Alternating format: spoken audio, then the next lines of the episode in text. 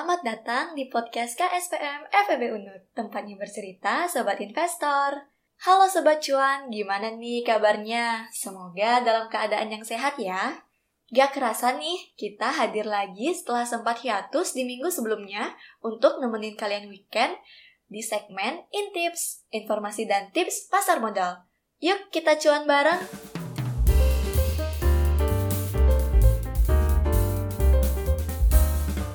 Nah, sebelum lanjut, aku mau klarifikasi dulu nih. Klarifikasi apa tuh, Dian? Mungkin beberapa sobat cuan juga ada yang notice nih. Kalau di minggu sebelumnya, podcast KSPM gak tayang dulu nih. Eits, tapi sobat cuan jangan panik. Karena kita hiatus sebentar dalam rangka merayakan Hari Saraswati bagi umat Hindu. Mohon pengertiannya ya guys. Walah, aku kira klarifikasi apa loh? Astaga. By the way nih, ngomong-ngomong tentang podcast kita sebelumnya, kan kita ngebahas penyerangan Rusia terhadap Ukraina, apa sih dampaknya kepada pasar modal Indonesia? Yang mana pembahasannya cukup berat ya Besti. Nah, maka dari itu kali ini kita akan ngebawain topik yang ringan-ringan aja, dan tentunya Sobat Cuan pasti akan dapat info yang bermanfaat juga nih. Yoi, bener banget tuh. Eh, untuk podcast episode ini, kita bakalan membahas mengenai mengenal lebih dekat tipe-tipe investasi dan trading saham di dunia pasar modal loh Sobat Cuan. Pasti kalian penasaran kan? Wajib banget untuk dengerin podcast kita sampai akhir nanti ya. Waduh, seru banget gak sih kayaknya? Nah, untuk sobat investor yang baru mulai terjun dalam dunia pasar modal, pasti masih bingung kan dengan istilah-istilahnya? Apalagi tipe-tipe dari seorang investor ataupun trader saham. Nah, sebelum kita lanjut berbincang materi, ada orang yang mengatakan setiap ada pertemuan pasti ada perkenalan.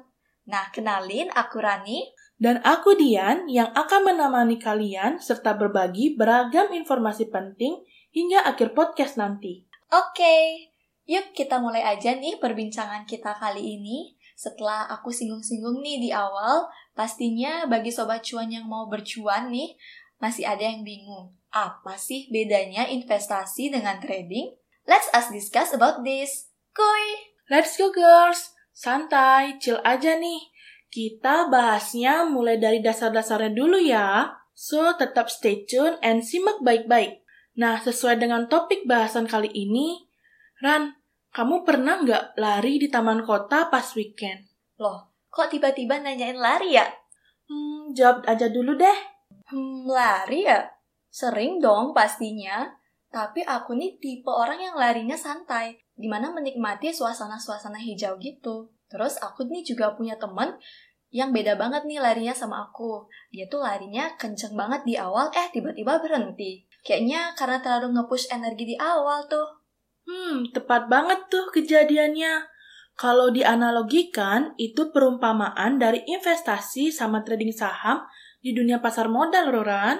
Jadi, investasi itu adalah kegiatan penanaman modal yang dilakukan dalam jangka waktu panjang dengan harapan bakal dapetin keuntungan nantinya. Dan sebaliknya, kalau trading itu adalah aktivitas jual beli produk dalam jangka waktu pendek untuk mencari keuntungannya, Ran. Oh, jadi perbedaan antara investasi dan trading itu di bagian waktunya sama fokusnya yang mau dicapai ya Dian ya? Nah, kalau dilihat lagi nih sama perumpamaan yang tadi, kan teman aku itu sampai istilahnya enjoy ya bun larinya. Sedangkan nih aku masih fine-fine aja. Berarti kalau saham, resiko yang ditanggung oleh trader itu lebih besar daripada orang yang melakukan investasi atau yang kita sebut investor itu kan? Ya, betul. Mantep banget tuh analisanya. Walah, jadi itu ya bedanya. Hmm, ngomong-ngomong nih tentang investor, pernah nggak sih Dian atau mungkin sobat-sobat cuan yang lagi ngedengerin podcast ini uh, bertanya-tanya Kira-kira gimana sih kita dapat mastiin produk mana yang sesuai untuk kita investasiin? Waduh, ini udah mulai kompleks ya pembahasan kita. Kalau itu sih Ran, seorang investor itu harus memahami terlebih dahulu profil resiko dalam dirinya masing-masing. Sekalian ngebahas tentang profil resiko nih, tahu nggak Ran? Uh, investor itu dapat dibagi menjadi tiga tipe investor berdasarkan tingkat keberanian investor dan suatu produk investasinya, Loran. Wih, banyak juga ya. Boleh di-spill nggak biar kita sebagai investor nih bisa set set set set dalam investasi gitu? Oh, boleh-boleh banget. Nah, yang pertama itu ada tipe investor konservatif. Tipe ini adalah salah satu tipe investor dengan profil resiko paling rendah. Bisa dibilang investor ini pengen di jalur investasi yang aman-aman aja dan dengan tingkat imbal hasil yang stabil. Yang kedua, itu tipe moderat, di mana tipe investor yang mempunyai profil resiko yang sedang. Investor ini cenderung memiliki tujuan finansial jangka waktu menengah dan siap dengan tingkat imbal hasil yang fluktuasinya tidak signifikan. Dan yang terakhir itu tipe investor agresif. Adalah tipe investor yang memiliki profil risiko paling tinggi. Sering dikenal sebagai risk taker. Investor tipe ini sangat siap dengan berbagai kemungkinan risiko yang terjadi. Nah, kalau Sobat Cuan nih kira-kira masuk tipe yang mana nih? Boleh dong di-spill di kolom komen. Nah, by the way nih Dian, aku sempat baca juga nih. Katanya di dalam situasi pandemi COVID-19 ini, tidak menyurutkan minat masyarakat untuk bertransaksi saham. Nah, justru jumlah investor sepanjang tahunnya itu meningkat loh. Nah, tahu nggak lagi Dian? Yang lebih mengejutkannya nih, kalau ternyata kebanyakan investor retail itu didominasi oleh generasi milenial. Apa nggak keren tuh? Ya elah, awam-awam gini, tapi kekepuan kamu tentang berita saham sangat tinggi ya, Ran. Sini-sini aku tambahin nih informasi yang kamu dapat biar makin komplit. Nah, balik ke tipe investor. Ini ada tipe investor yang dibedakan dari pemilik dananya, Ran. Tipe investor itu ada investor institusi dan investor retail. Investor institusi adalah seorang atau sebuah lembaga yang mengelola dana-dana besar seperti dana pensiun, asuransi, dan dana lainnya. Kalau investor retail itu adalah investor perorangan yang mengelola dana miliknya sendiri. Wih, seru banget nih topiknya. Makin ke sini nih makin komplit ya.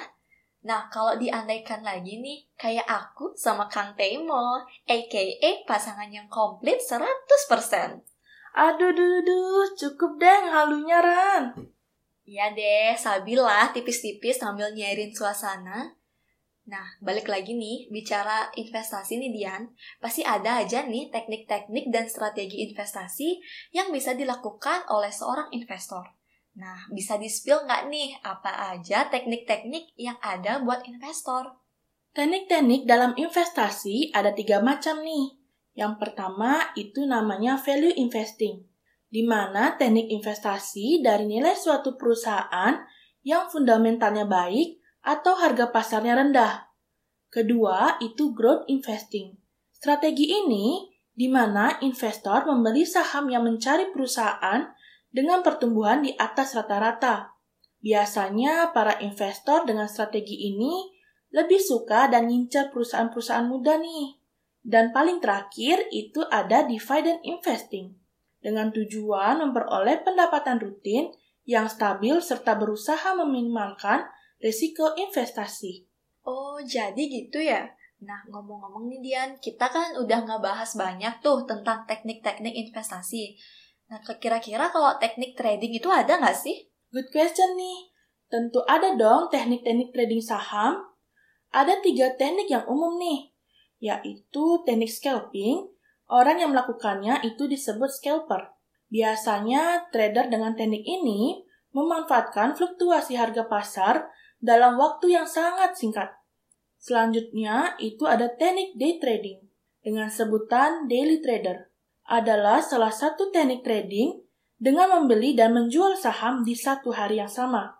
Last but not least adalah swing trading. Metode jual beli saham dalam pasar saham yang umumnya membutuhkan waktu hingga mingguan. Di mana swing trader yaitu sebutan bagi trader yang melakukan teknik swing trading. Mantep banget ya berbagai macam tipe investor dan trader yang telah dikupas tadi. Nah, gimana nih Sobat Cuan? Kalian udah tahu belum kalian mau masuk ke tipe investor atau trader yang mana nih? Nah, atau kalian udah masuk ke salah satu tipe yang disebutin tadi? Yuk share juga nih di kolom chat. Gak kerasa ya, tadi kita udah ngebahas informasi yang bisa menambahkan pengetahuan kita, khususnya di dunia pasar modal. Oh iya, dan juga aku mau ngingetin lagi nih, kalau Sobat Cuan udah mateng nih mentalnya buat terjun ke pasar modal, atau juga buat Sobat Cuan yang udah terjun ke pasar modal, ataupun instrumen lainnya, jangan lupa untuk sesuaikan strategi kalian dengan gaya investasi maupun trading Sobat Cuan ya. Karena tanpa strategi yang mumpuni, tentu sulit untukmu bisa cuan dalam jual beli aset. Tuh, tuh, dengerin petuahnya. Diingat juga ya Sobat Cuan. Nah, gak kerasa nih, kita juga udah berada di penghujung podcast kali ini. Semoga pembahasan kita tadi bisa bermanfaat ya Sobat Cuan. Nah, jangan lupa juga untuk terus pantengin podcast KSPM FEB UNUT yang akan terus memberikan informasi tentang investasi di pasar modal untuk kalian Sobat Cuan. Selain itu, Sobat Cuan juga bisa request untuk materi podcast di episode berikutnya loh. Bisa langsung aja DM kita di Instagram atau chat melalui official line yang tertera di bio IG KSPM FEB UNU. Pasti bakal dibahas kok. Betul banget tuh. Dan buat Sobat Cuan yang bingung mau buka rekening efek di mana, don't worry guys, Kalian bisa langsung datang aja ke Galeri Investasi KSPM FEB Unut di Kampus Sudirman setiap hari Jumat. Atau bisa juga nih tanya-tanya dulu sama admin di Instagram at KSPM FEB Unut. So, kita tunggu kehadiran sang milenial investor baru. Sampai jumpa di episode berikutnya. Salam cuan!